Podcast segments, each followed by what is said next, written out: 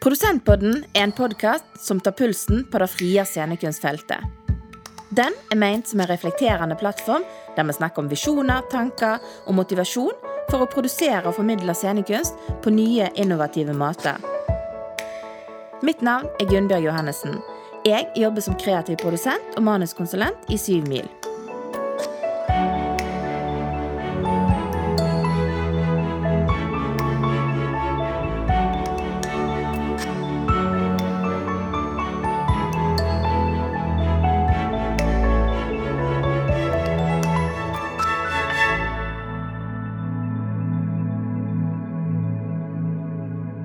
Velkommen til episode åtte av Produsentpodden.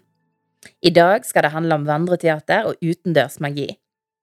Vi har nemlig besøk av teaterkompaniet Eventyr i parken, som består av fire kreative scenekunstnere som siden 2019 har skapt flere eventyrlige stunder for små og store rundt om i park- og skogområder på Vestlandet.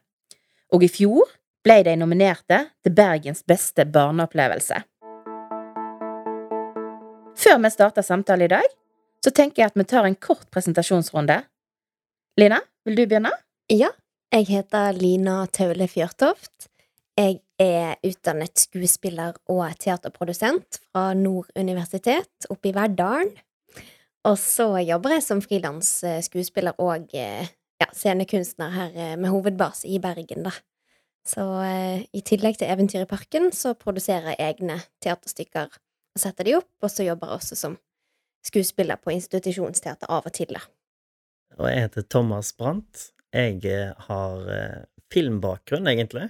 Så jeg har drevet et lite filmproduksjonsselskap ute på Sotra. Og så for noen år siden så endret jeg Ville jeg endre litt arbeids... eh, Ja, arbeidsmengden min, og så gikk jeg over til teater. Har jobbet litt med det. Var på to produksjoner på DNS. Kabaret og Wendy og Peter Pan. Og så har jeg egentlig nå det siste året eh, havnet litt mer inn i film igjen, så nå jobber jeg med en NRK-serie som filmer ute i Øygarden. Men da eh, som location manager, så da er jeg litt sånn både litt foran og litt bak eh, kamera og på scenen. Jeg heter Stine Svellingen. Ja, jeg har jo en master, da, fra Universitetet i teatervitenskap. Og det kjenner vel andre som har tatt den utdanningen, at man vet ikke helt hva man kaller seg etter det. Men man er jo teaterviter, da, så man kan mye om teori. Men sånn til dagligdags, så utenom dette kompaniet, så jobber jeg mye som inspisient eller produsent for andre ting som man er med i. Og driver med improvisasjon. Teaterimprovisasjon. Mye. Og så har dere en person til. Ja, Magdalena, populært kalt Magda, kona. Altså, hun har så mye utdanning. Eh, Men hun er altså Hovedsakelig så har hun en master i film Manusskriving for film. Og har også bakgrunn fra film- og TV-produksjon og nordisk på universitetet. Så hun har også en ganske sånn variert bakgrunn, eh, ja, både foran og bak, holdt på å si. Og sammen så har dere etablert kompaniet Eventyr i parken, som da altså består av et eh, kunstnerisk team med brei og variert eh, bakgrunn. Men har dere lyst til å ta oss litt tilbake til når det starta? Ja, altså, vi begynte jo Vi spilte den første produksjonen vår i desember 2018. Eh, og så starta vi opp eh, kompaniet i januar 2019. Så vi har holdt på i noen år nå. Eh, da var vi Det var ikke oss fire som startet det, eller det var tre av oss. Men da hadde vi også med oss ei som heter Kosmina Gurikunau. Og hun eh, var en av de som var med å egentlig få det til å skje i Nygårdsparken. Fordi hun hadde en jobb som eh, kom inn på noen som jobbet med Bymiljøetaten, da. Og de var veldig interessert i å få til noe som skapte egentlig liv for barnefamilier. Og så satte vi oss ned og fant ut at eh, sammen da så drøftet vi litt ideer, men vi kom egentlig ganske kjapt eh, inn på denne vandreteaterideen, da. Ja, og så var det jo nesten et prosjekt fra Bymiljøetaten om å ta Nygårdsparken tilbake etter en lang eh, restaureringsprosjekt og ja, for å få, for å få barnefamiliene til å gjenoppdage parken, da. Så, eh, så vi tok på en måte en liten sånn snarvei inn. Ingen kulturmidler, men vi fikk liksom midlene som skal også brukes på fontener og busker. De fikk vi til å, å starte med teater gjennom Bymiljøetaten, da. Ja. Så, så det var en liten sånn eh, Ja, en litt annen vei inn enn eh, enn den litt lengre prosessen, kanskje, med kulturmidler. Hadde dere litt samarbeid da i begynnelsen, blant annet sånn med barn i byen, eller Um, vi begynte egentlig ut med egne arrangement, men Barn i byen har vært veldig til stede hele tiden og vært veldig interessert, og lagde jo en sak om den første forestillingen vår. Og ja, vi merker jo at kalenderen og bare hele opplegget til Barn i byen gjør at vi får nye publikummere gang på gang, og at, eh, ja, at vi når ut, da. Så det var mye gjennom Barnebyen at vi nådde ut i starten. Absolutt, og samtidig så var det egentlig bare det at vi hadde da en søndag i måneden i parken, så var det også veldig mange som bare ramlet igjennom. Så var det sånn Oi, her skjer det noe. Mm. Eh, men, men Barn i byen har vært eh, en av de med den artikkelen som de hadde. Og så har vi jo gått gjennom gjennom Nygårdsparken sin Facebook-side, som også har en del følgere, da. Så vi har jo startet, startet et sted. så begynte det jo veldig ambisiøst. Jeg jeg var ikke på det oppstartsmøtet. Det var jeg litt glad for, på en måte i ettertid. For, eller jeg vet ikke om jeg hadde blitt med på den ideen om å lage et nytt vandreteater én gang i måneden. Altså, det var, det var så ambisiøst eh, at eh, Ja, det, det var litt utrolig at vi fikk det til. Men da begynte vi på en måte med veldig enkle greier som vi etter hvert har videreutviklet, og fortsatt videreutvikler. Så de første eventyrene våre var veldig enkle, og så har vi på en måte fått mer kjøtt på beina etter hvert, det, men det ble jo litt av uh, greien vår også, at uh, det var en veldig enkel oppskrift som man bare måtte leke seg med, da. Uh, og sånn har det jo også blitt en del improvisasjon i spillet vårt også, og hele vandreteaterkonseptet og det interaktive som vi har, gjør også at det, at det blir en del en litt løssluppen spillestil som vi, vi prøver fortsatt å forme på en måte litt og kanskje lage tydeligere rammer, eller ja, definere. Vi må hele tiden definere litt sånn uh, hvilken stil vi skal ha. Ja, vi, men du nevnte jo at vi var sykt at vi skulle lage et nytt hver, hver måned. Men vi gjorde jo faktisk det. Hele 2019 så lagde vi egentlig nye forestillinger, og så fortsatte vi inn i 2020 med også eh, nye forestillinger, for da var det jubileumsåret. Ja, 950-årsjubileet. Stemmer. Og, og, da lagde vi noen eh, nye eventyr som egentlig har litt bakgrunn i eh, virkeligheten. Altså eh, Edvard Grieg eh, og hans eh, tilknytning til natur og musikk. Eh, lagde vi et eventyr ut av der han snakker med planter og hører musikken ifra dem. Så vi skriver, har da skrevet flere sånne eventyr som tar utgangspunkt i virkelige hendelser eller virkelige steder. Var det mer bestillingsverk fra jubileet da, eller? Ja, da, da ønsket de eh, også Det var da samtidig da så lagde vi også en podkast med et hørespill. Så de ønsket egentlig å ha fokus med forestillinger og egentlig eh, produkter som da bygget opp under hele den jubileumsbiten, eh, da. Så lagde vi eh, en seks episoder med podkast som eh, ligger ute. eh, ja, som er sånne artige hørespill som vi også har skrevet om, da. Hvor kan folk finne deg, da, hvis de vil høre på? Det heter Parkpodden, Ja. og de finnes på de fleste sånne podkast... Podkastplattformer. Ja, podkastplattformer. Ja. Så Parkpodden var jo egentlig det navnet vi lagde på. For vi, samtidig som vi startet med en ny forestilling i måneden, så ville vi også starte med en ny podkast i måneden. Det var liksom tanken fra helt fra starten, og det la vi veldig fort, fort ifra oss. Rett og slett fordi at det var altfor mye å, å gjøre med. Men der, der hentet de Parkpod-ideen, da. Og så har de nå en del andre episoder også. Det er ikke bare våre episoder som ligger på Parkpodden. Og det er jo støttet av Bergen kommune, da. Mm. Så Bergen kommune har jo vært med De har vært med å støtte Gitt oss mye støtte opp gjennom og, og vært veldig på lag med oss, da. Særlig Bymiljøetaten, og så har Kulturetaten kommet på eh, etter hvert som vi har begynt å søke oss inn der. Og så måtte vi jo definere også dette med å være profesjonell eh, eller amatør, altså, og frivillig, og dette Ettersom vi har så bred bakgrunn, så er det også det på en måte en, noe man må jobbe seg litt sånn opp i systemet, da, på en måte bevise at ja, vi jobber profesjonelt nok til å få støtte, Mm. eh, ettersom de har visse kriterier, da, for eh, ja, utdanning og, og forskjellig. Så, så har vi kommet oss opp eh, og fått bevist at vi, vi er på det nivået, da.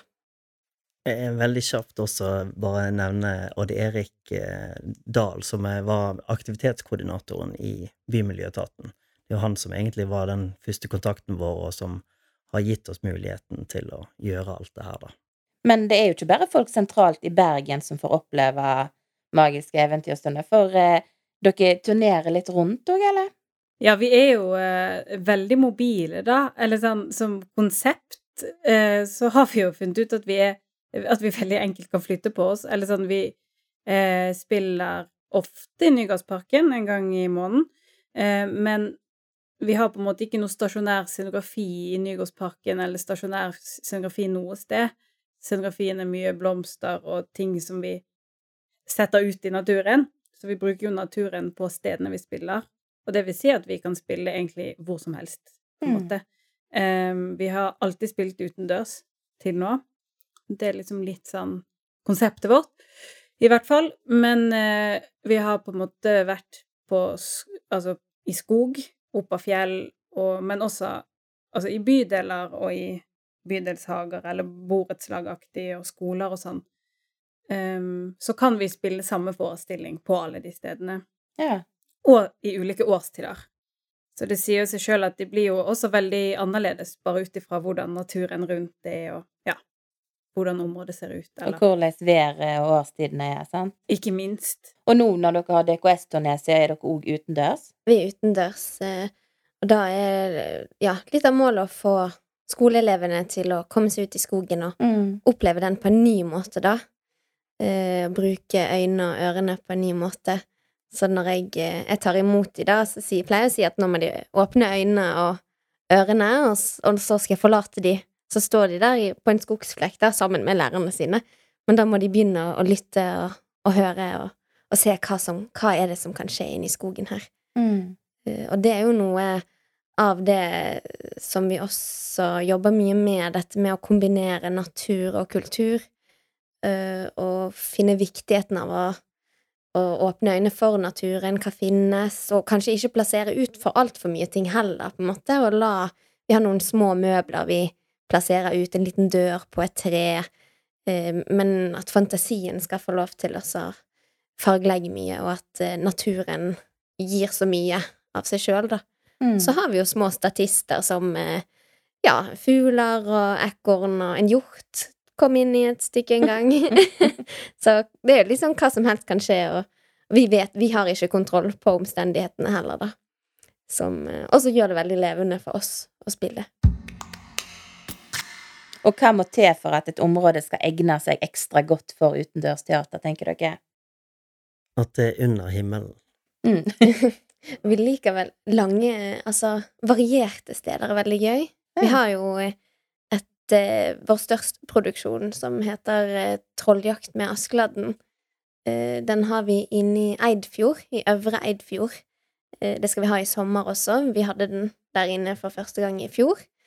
Um, og der eh, begynner vi med eh, Natursenteret, Norsk Natursenter i Øvre Eidfjord, og så beveger vi oss først oppover i et litt uh, ja, sånn steinete fjellandskap, og så kommer vi på en måte innover i, en veldig variert natur, da. Og da tar vi også tak i et lokalt sagn og kan fortelle historien om en fjellknaus, Tussafoten, da, som, som vi faktisk kan se der og da. Så det er veldig gøy, syns jeg, å ta tak i ting vi, vi ser der og, og da, men også, også ha variert natur, eller litt varierte steder. Altså gjerne overraske, sånn som når vi har vært ute i Solheim, så har de en lekeplass med en elefant. Så plutselig satt vi fast i elefanten, på en måte, da. så det å bruke det som faktisk er der, på litt nye måter, da. Det er jo veldig gøy når man er inne i skoger, for eksempel, at man oppdager at jo mindre man på en måte ser av det som er rundt, jo mer spennende, eller åpner det opp mulighetene for at alt mulig kan dukke fram blant de trærne? Eller sånn når man på en måte er inne i en tett, tett granskog eller furuskog, som vi har vært noen ganger, så er det sånn Når man da hører trærne over seg blåse, og liksom at det kan skje noe overalt, da. Det er en sånn følelse som, som jeg liker veldig godt, når det er så på en måte lukket Mm. inne i skogen. Vi hadde jo også en veldig Kanskje den mest sånn ekstreme værforestillingen vår, på en måte. Var, vi var på kunstneropphold på Level kunstnertun eh, i Ål. Eh, januar 2019. Nei, 2020. 2020. Da satt vi der, eh, midt i korona, og hadde det egentlig ganske fint. og så skulle vi ha forestilling, da, som takk for at vi fikk være der. Men da var det jo 26 minusgrader i tiden før vi skulle ha denne forestillingen for skolebarn oppe i Level. Så da måtte vi begynne å google og snakke med lokalbefolkningen. Hva er, hva er grensen for å ha publikum med seg ut? Hvor kaldt eh, kan det være? Og da var, det, da var det vel sånn at ja, de fra byen de måtte kanskje holde seg på fem eller åtte, men her på Level kan vi jo ta dem med ut i 15 eller 10 eller Ja. Det var en egen grense for Level-barna. Men eh, dagen vi viste det, var det bare minus to, tror jeg. Ja. Ja. Så det Men da måtte vi jo helt sånn konkret tenke på at scenene kan ikke være for lange. Vi må Mm. ha god eh, bevegelse i publikum. Her må vi komme oss av gårde og ja, ikke bli stående for lenge. Og så hadde vi bål på slutten. Yeah. Men var det, det jeg syntes var veldig gøy da, var jo at vi kunne poppe frem fra snøen og lage spor og ja, vi kunne bruke omstendighetene på en helt ny måte, da. Og nå har dere jo fortalt om et godt samarbeid med Bergen kommune, men eh, i og med at dere reiser rundt i andre kommuner, og er det liksom tilrettelagt for utendørsvisning, eller møter dere på hindringer sånn som seg hør og bør i et eventyr? Ja, altså nå har vi eh, Vi har begynt å spille litt med dagsturruter. Ja. Eh, og der eh, Så i hele Vestland fylke så er det først veldig mange i Sogn og Fjordane. Eh, nå begynner det å komme en del i Hordaland også. Eh, så vi hadde noen prøveforestillinger i Nordhordland. Eh, og så søkte vi oss inn egentlig for å få støtte til å ha en skikkelig turné rundt i hele Vestland. Og har fått eh, støtte fra Kulturrådet og et par andre steder også. Mm. Og det, det viser jo noe om at de har lyst til å få det til å skje. Og vi har vært i en del andre Vi har vært på Tysnes, og vi har vært eh, eh, på Os, vi har vært i Fjell, Askøy Vi har vært mange steder rundt omkring i Bergen. Eh, og der har vi, er det folk som er giret, da. Gjerne som har sett forestillingen i Nygårdsparken, og så er de sånn Ja, vi vil ha dere her. Så bra. Og så er det en slags sånn drivkraft, eller en drivperson, som, eh, som hjelper til. Nå skyter jeg litt fra hoften, eh, kanskje, men altså, jeg tror jo at på, på en eller annen måte så kan det av og til være mer tilgjengelig, opplever jeg det av og til som, eller lettere for oss å få midler og finne samarbeidspartnere i kommuner rundt, fordi at vi ikke er avhengig av et kulturhus eller må inn noe sted. Det er litt sånn at vi kan finne andre samarbeidspartnere, som turlag og eh, museum og Eh, Ja, eller frivillige organisasjoner og altså Altså man treffer en litt annen gruppe, da.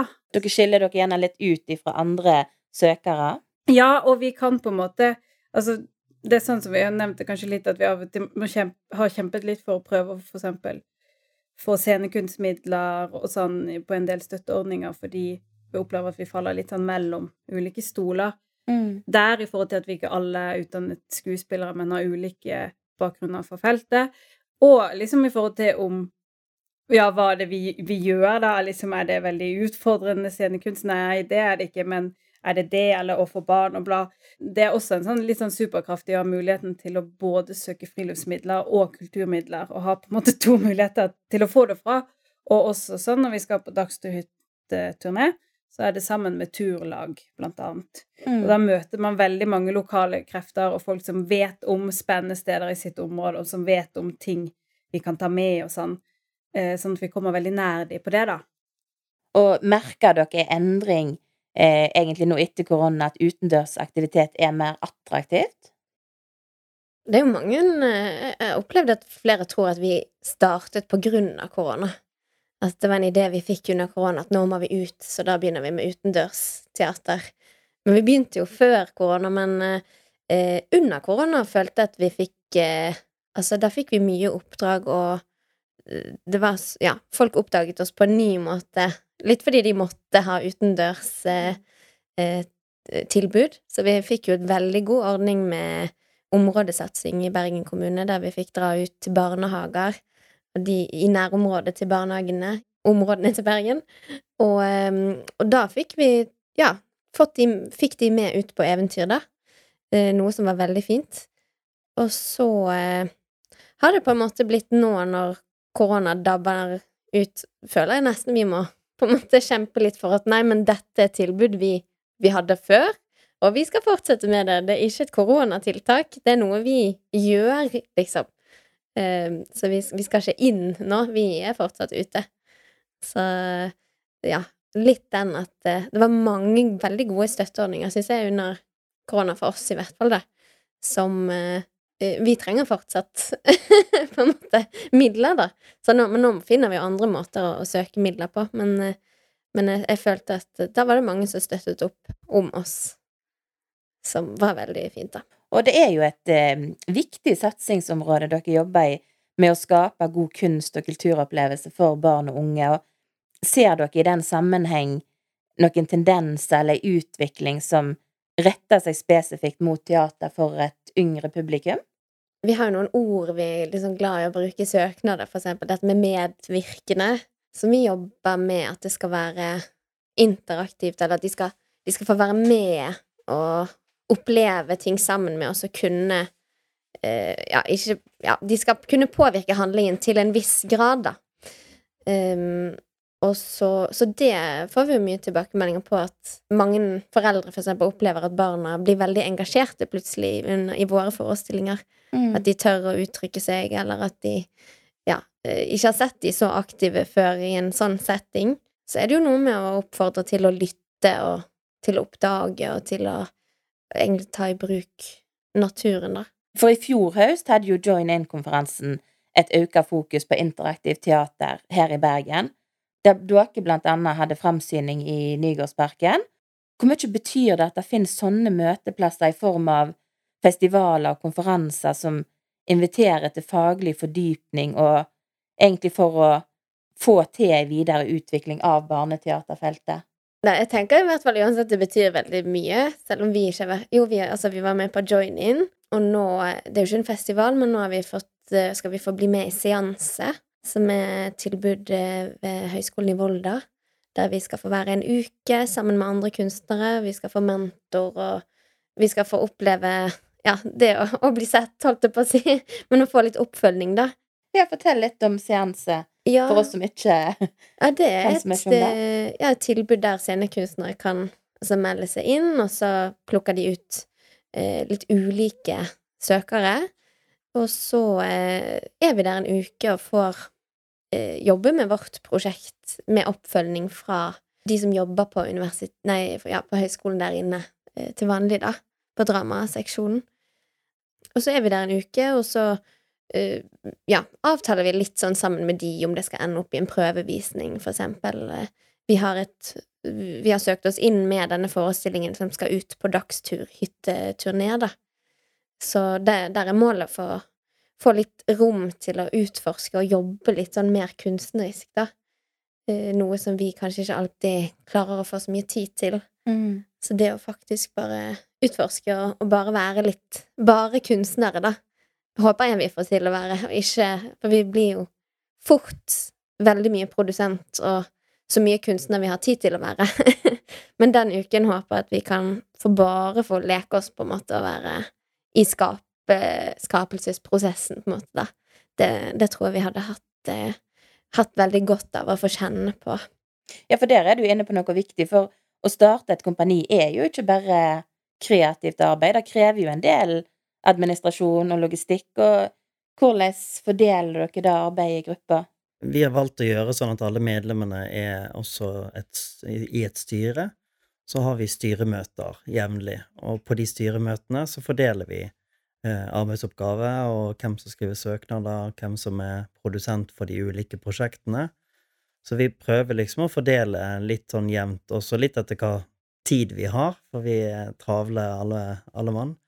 Eh, men det er jo liksom det at vi kan snakke sammen og se hva, hvem som har tid til å gjøre de ulike tingene, og fordeler egentlig ganske likt sånn sett, da. Der drar dere vel litt fordel av at dere har en variert bakgrunn? Ja, altså Jeg tenkte faktisk i dag, for å være helt ærlig, for jeg satt og skrev eh, på en søknad eh, til kompaniet, så tenkte jeg sånn jøss. For et år siden så satt jeg og skrev master, men jeg føler jeg har skrevet like mye dette halvåret. Eller sånn. men, så, det, men det er en positiv ting at man har øvd mye på det gjennom en utdanning, da, men det er eh, Når man skal starte ting sjøl, så er det en veldig, veldig, veldig stor del av det. I hvert fall Mm. før man har en slags økonomi til å på en måte kunne distribuere det ut til andre, eller få inn andre samarbeidspartnere, da. Men det, det, det, er rart, det er rart på en måte, men det er veldig viktig å sette ord på hva man gjør, hvis man skal klare å få til å formidle. Sånn som sånn så det er lagt opp nå, i hvert fall. Og det er mye dramaturgi å skrive en prosjektbeskrivelse, blant annet. Sant? Da å finne formen på stykkene og prosjektet. Ja. Og der, der har vi jo brukt syv mil, blant annet, for å Altså bare for grunnstrukturen i søknadene, på en måte. Få noen utenfra til å se hva er det vi driver med. Kan du si, kan du si hva vi holder på med? Mm. Og så Det føler jeg også har hjulpet. eh, Og det å innse hvor mye arbeid det er med søknadsskriving og Ja. Men når du først har en god grunnsøknad, så går det litt lettere, da. Mm. Men de må jo alltid tilpasses. Alltid. Og det er jo klart at når en òg har høy aktivitet med nye stykker hele tida, så krever det jo nye prosjektbeskrivelser. Ja, vi har jo alltid noe nytt. Hver måned har vi sikkert to-tre ulike forestillinger, minst. Så, eh, så da er det mye å tenke på. Og så er det jo mye med bare hvordan et kompani skal fungere, og eh, ja, hvordan vi Nå har vi i det siste snakket om hvordan gjør man det med sykepenger, for eksempel. Skal man være AS, eller hva skal man gjøre? Det er mye å tenke på, og samtidig ja, balansere Ja, det å balansere kunsten og, og bedriften, og, og føle på at eh, at det blir nok kunst i det òg, da. Mm. ja. Og det er jo gjerne derfor det egentlig begynte. Men så lærer man jo utrolig mye av, eh, av det å være en bedrift, da. Og det er jo fantastisk at man kan på en måte formidle en idé og få muligheten til å gjøre det, liksom, uten å ha en institusjon eller ha andre ting i bakgrunnen, altså. Det er, jo vanlig, men det er jo liksom, hvis man tenker over det, det er jo mye arbeid med søknader, men det er jo fantastisk også det gjør jo at man står utrolig mye friere til å til å gjøre det man har lyst til. Da. Ja, jeg tror vi, vi hadde vel over 100, over 100 forestillinger i fjor. Noen var like, men ja, over 100 spilledager, på en måte. Eh, som var koronaåret også. Og på én spilledag så spiller vi opptil tre forestillinger, så det er jo Det er mye. Men så prøver vi å eh, liksom Når vi planlegger våren og ser, liksom, så prøver vi å ta noen av de samme, sånn at vi ikke må øve på ti forskjellige forestillinger eh, hver eh, semester, da. Men eh, vi har jo Vi har jo litt eh, produksjoner i på, på planen, håper jeg å si. Mm. Så, så vi kan eh, Har dere med dere flere skuespillere av og til hvis dere har et stykke som krever mer enn dere fire, eller? Vi har vel aldri vært mer enn fire i et stykke. Men vi har eh, knyttet til oss litt ulike frilansere som kan hoppe inn og være vikarer, eh, hvis ikke alle vi fire kan, da. Så det har vi jo hatt. Eh, og det gjør også Det er også spennende å få brutt opp litt og kjenne på litt andre konstellasjoner, og det gir ofte litt annen energi, så, så det tror jeg også er viktig å få inn litt sånn nye krefter av og til. Og kjenne litt på hva man driver med. Særlig hvis man kommer inn i en sånn driv der man har mange forestillinger av den samme, for eksempel, så er det greit å få bry bryte opp litt. Og så eh, har vi også vært med på Siljestølen sin familie, eller sånn familiedag på Siljestølen. Ja, i samarbeid med Festspill òg, eller? Stemmer. Og, og der er vel kanskje der vi, vi har på en måte hatt vår del, men da i tilknytning til enda flere.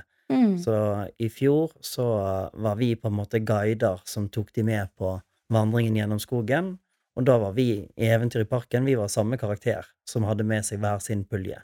Så da fikk vi også utvikle, eller testet ut litt sånn andre måter å gjøre det på. Og i år så skal vi, eh, har vi heller fått et ansvar for et område som vi disponerer og utnytter, da. Eh, Så det, det var også litt med tanke på korona, at de hadde sånne puljer i fjor.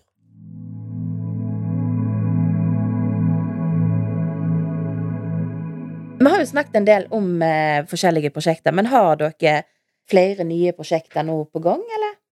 Nå har vi i sommer eh, en forestilling vi skal spille inn i Eidfjord, som vi spilte for første gang i fjor. Den heter Trolljakt med Askeladden, og den eh, har vi skrevet eh, Kanskje den vi har jobbet mest med sånn fra grunnen av, den forestillingen. Begynte opp på Level på Kunstnertun der og utvikle den. Um, og da spiller vi altså et område ovenfor Norsk Natursenter i Øvre Eidfjord, som eh, er veldig flott. Det er også et sted Det var helt utrolig. Vi var inne på et kommunemøte der og, hadde Vi hadde fått et oppdrag på en måte at vi skal spille noe i Eidfjord. Og på det møtet så var det altså en som visste om dette området, da. Hun er jo faktisk gift med grunneieren, fant vi ut da. Og, og han tok oss med, da, grunneieren, og begynte å fortelle et sagn mens han viste oss rundt. Og etter hvert så fant vi ut at det sagnet han fortalte oss, var jo det vi måtte lage dette stykket om. Uh, og det handler om Tussafoten, som er en fjellformasjon som i det siste har blitt litt mer kjent, for den skal visst falle ned en dag. den nye mannen. uh, og denne fjellformasjonen, det er Tussafoten. Det er foten til en tusse som skulle over dalen for å fri. Så kom solen, og da sprakk altså tussen, og foten står igjen i fjellet. Så den kan man se hvis man kjører til Oslo. Og hjertet havnet i berget, på Varberg, da. Og det er et hjerte i det berget der, faktisk. Som hele stykket vårt ender opp ved, da, så vi kan se hjertet til denne tusen. Um, så da bruker vi jo det sagnet og formasjonen i landskapet. Og vi fikk eh, masse sånne reinsdyr, eh, hodeskaller og gevir av grunneieren og noen lokale vikingvenner som vi har der inne. så hele lokalsamfunnet har virkelig bare støttet opp om den forestillingen. Og eh, vi hadde rekefest med, med eh, liksom kultursjefen der inne og grunneieren og turistsjefen. Og vi var med og Når vi var der inne i fjor sommer, var vi med og eh, på sånn her eh, Altså, vi var med og eh, Bufaring. Bufaring.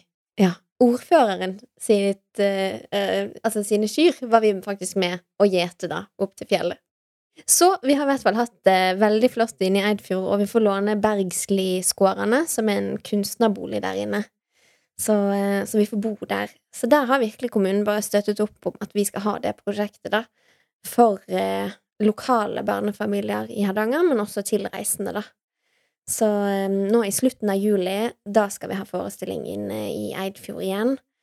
Eh, så da er det bare å komme seg til Øvre Eidfjord. Og det kan man kombinere med en tur på Norsk Natursenter. Ja. så det Det er jo helt nydelig der inne. Sånn natur. Det er jo helt fantastisk. det, det er litt sånn sted man gjerne kjører gjennom fordi man skal et sted, men stopp i Eidfjord. Rett før Vøringsfoss. Og teaterhøsten for Eventyr i parken, da. Hvordan blir den? Ja, nå har vi fått mye støtte.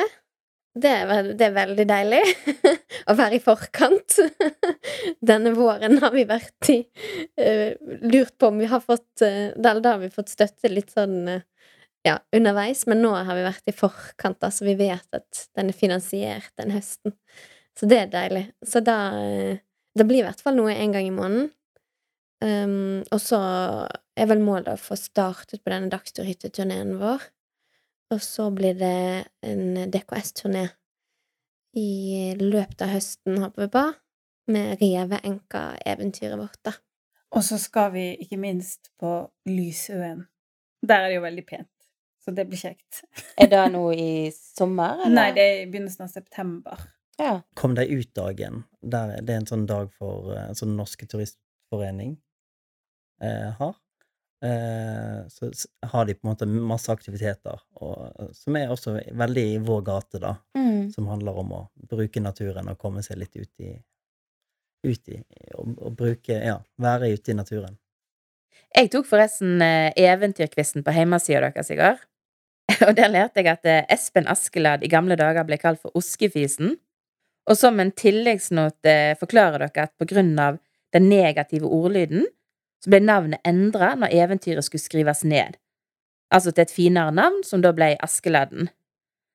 Har dere noen flere fun fact fra eventyrverden? Ja, det var quiz. Det der var koronaprosjektet mitt. vi hadde jo Vi har diskutert trollkjerring veldig mye eh, i kompaniet, men det er ikke akkurat en fun fact, da. Ja, for der er det veldig mange som tror at en trollkjerring er troll. Men det er jo trolldom. Altså en trolldomskjerring. Så det er jo egentlig en heks. Ja. Men så har vi også hatt en liten følgefeil der trollkjerringen har hatt en hale. Så det har gjerne forsterket tanken om eh, men, men det er jo litt sånn artig akkurat det med navn, at det betyr noe, men kan tolkes som noe helt annet også. Og så har jo vi Det blir ikke akkurat fun fact, kanskje, men vi har jo oppdaget mye Det har vært mye stemødre, da, i disse eventyrene. Som vi har måttet ta stilling til. Mm. Eh, Det er alltid onde stemødre, og publikummet vårt nå eh, har jo eh, Mange av de har jo stemødre. det er jo ganske vanlig å ha en stemor nå. Så da har vi på en måte måttet jobbe litt med det. Se på hvilke familiesammensetninger vi representerer, for eksempel, i eventyrene våre. Og også når vi har Så når vi er tre jenter og én eh, gutt eller mann da, i kompaniet.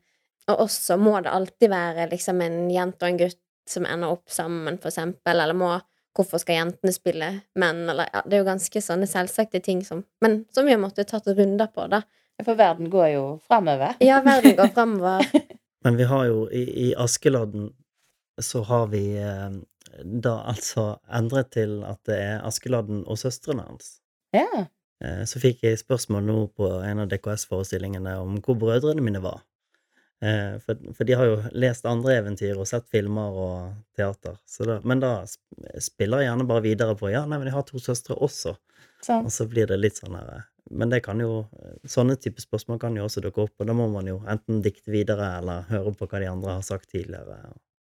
Jeg har jo spilt Askeladden sjøl, og sånn Eller sånn Jeg definerer meg som kvinne, for å si det sånn. Det, men, men poenget er at Og jeg har gjort, vi har ikke gjort noe poeng ut av at jeg skal spille mer gutt eller om Altså, vi har liksom bare latt det være.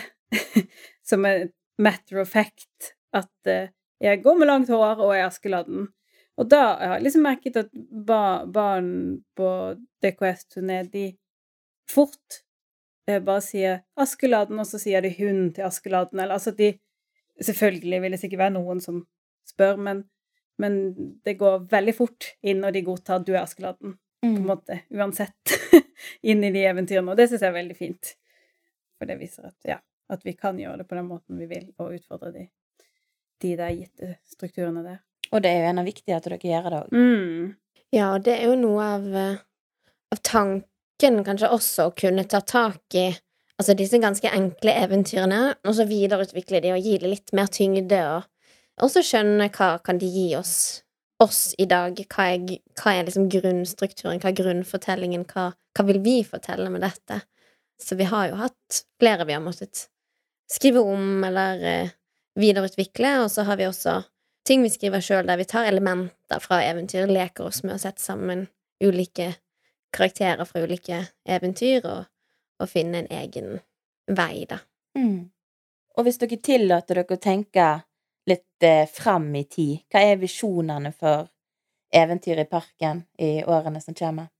Jeg tenker noe av det viktigste å nå ut til folk, eh, liksom fortsette å, å dra ut. Jeg syns det er veldig spennende med dette med kultur og arv, altså ta tak i historier som fins, få de fram, sagn som fins, løfte det fram, gjøre det spennende og aktuelt. Og så vil det vel være å alltid jobbe for en god struktur i kompaniet, på en måte, da. Effektivt, enkelt, minst mulig styr, på en måte, eller ja, og kanskje også se på eh, hvilke arbeidsoppgaver man kanskje kan delegere ut, eller ja, tenke litt eh, på nye måter der, da. Jeg har også en liten drøm om at eh, det skal komme inn på et eh, fast budsjett, for eksempel. Altså slippe Selvsagt så blir det jo søknadsrunder uansett, fordi vi vil nå ut mer enn bare Bergen. Men eh, det å ha noe sånn at ok, her går det av seg sjøl. Mm. Eh, vi får midler, vi har det, og, og kanskje slippe å gjøre all den eh, administrative delen av det, da.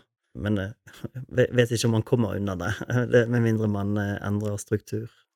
Jeg har hatt en sånn mangeårig drøm om å spille på Galdhøpiggen. La det stå sånn. Men så har jeg tenkt nå at det er jo kanskje Det er jo et veldig utfordrende sted å spille. Det er veldig liten plass og lite ting å gjemme seg i og sånn, så jeg tror kanskje at i nærmiljøskogen er vel så fine som i Galdhøpiggen, men man kan jo drømme om en eller annen turisthytte, i hvert fall. Hvis dere ikke har så med, med så altfor mye scenografi, iallfall, Ja. på toppen. Ta et helikopter opp. sånn. Og sånn helt til slutt, eh, har dere noen gode råd til andre som vil starte et eh, teaterkompani? Mm, jeg tror eh, Ja, ikke være så redd for å få avslag, i hvert fall når det gjelder søknader. Søk og søk og les gjennom og prøv igjen. Hva var det? Kan vi spisse det? Kan vi og få hjelp til å skrive søknader? Um, og så Ja, det der med å spisse hva er det vi egentlig vil. Jeg tror noe av det som gjør at vi får det til, er at vi, har, vi holder på med veldig sånn spesifikt eh, vandreteater utendørs. Uh, og det er liksom vår greie, da. Og da er det på en måte litt begrenset, sånn at uh, Da er det vårt felt. Og finne litt styrken til gruppa? Ja. Og så uh, kanskje ikke være så redd for å, å prøve. Mm. Hoppe i det og det, Vi har jo hatt- et veldig flott sånn publikum eh, som kommer igjen og igjen, og har blant annet en liten publikummer som har vært på alt siden hun var tre år. Um, og det er noe med Ja, kanskje vår En av våre styrker har vært eh, vi, vi, vi, vi vil ha kontinuitet. Vi vil liksom bygge en base i publikum, da. Mm. Eh, Så kanskje eh, på en måte Du skal være nøye på at det som vises, er godt, men, men også av og til kanskje bare tenke at det, det er bra at vi gjør noe også. At, at noe skjer. Og ikke minst, hvis en da eh, spiller teater for barn og unge, at en gjerne ikke er så redd for å eh, leke litt med de gamle folkeeventyrene, at en liksom tør å åpne de litt for samtida, da. Ja, det har jo vært noe jeg har tenkt på, i hvert fall dette med eventyr, og jeg blir blir sett på som en sånn gjeng som bare skal liksom eh, gjøre det lett å fortelle eventyr, på en måte, men vi prøver jo å legge noe mer i det, og, og jobber jo ordentlig med manus, manusene våre, og prøver å skape ny dramatikk eh, mer og mer, da. Eh, ja, og gjøre det til uh, Finne ut hva, hva kan vi bidra med, på en måte, hvordan kan vi gjøre en forskjell. Et annet uh, tips eller råd, det er også det å spørre om hjelp. Eller bare Mm. snakke med andre som driver med noe lignende, eller noe helt annet. Som bare eh, Vi har jo hatt veldig mye kompetanse i, i, i kompaniet, så vi har jo kunnet dra nytte av det. Men eh, vi ser også at med en gang vi åpner opp eh, og, og snakker med, med flere om tips og råd og, og sånt, hvordan man kan gjøre det, om det er ned i det strukturelle og organisatoriske, eller om det er det kunstneriske og eh, format, eller hva det måtte være. Bare snakke med andre og ha et fellesskap. En lærer litt på veien en går òg. Absolutt. Ja, det er vi kommet eh, ganske langt, vi også, fra Mm. der vi startet, og der vi er nå. Det er jo helt sånn utrolig hva man egentlig kan få til hvis man bare begynner, eller gjør det, eller at man bare prøver, på en måte. Mm. Hvis man føler at man har noe man har lyst til å begynne med, og så får man jo se om det er noe som det blir noe langsiktig, eller om det bare blir en kort periode. Men det er jo Folk er jo De fleste er nå alltid veldig støttende. Alle er jo egentlig det. Så Mm. på en måte man vil jo alltid kunne få hjelp, og man har et veldig fint nettverk her, liksom, som man kan bruke i byen. Så jeg tror det har hjulpet oss å spørre Hvis du får avslag, så kan du spørre hva, hva var det, eller hvordan kan vi gjøre det bedre neste gang? At eh, Jeg opplever i hvert fall de som sitter og tildeler støtte, og så er veldig opptatt av at de vil jo veldig gjerne at alle søknader skal treffe, liksom. Eh, så ja. Det Mm. å spørre, liksom. Og det handler jo ofte om prioriteringer når det Mm. gjelder søknader, så det er viktig da du sier at en tør å spørre hva, hva mangler min søknad. Kanskje var det bare litt utydelig hva en skulle gjøre. Kanskje var det ikke helt klart ennå. Men det er viktig at en tør å prøve igjen. Mm. Bruke nettverket, som Stine sier. Det, ja. Mm. det er så mye Det er så mange som vil at ting skal skje, og at, folk skal få det til. Så gjelder det bare at man må finne hverandre. Ja, spørre om hjelp. Tusen takk for at dere ville komme og snakke med meg her i Produsentpodden. Og da er det vel bare én ting å si. Snipp, snapp, snute, så var podkastepisoden ute. Produsentpodden er produsert av Camilla Svingen og Gunnbjørg Johannessen for Syv Mil AS. Teknisk ansvarlig er Roy Bjørge. Podkasten er støtta av Bergesen-stiftelsen, Fritt Ord og Fond for lyd og bilde.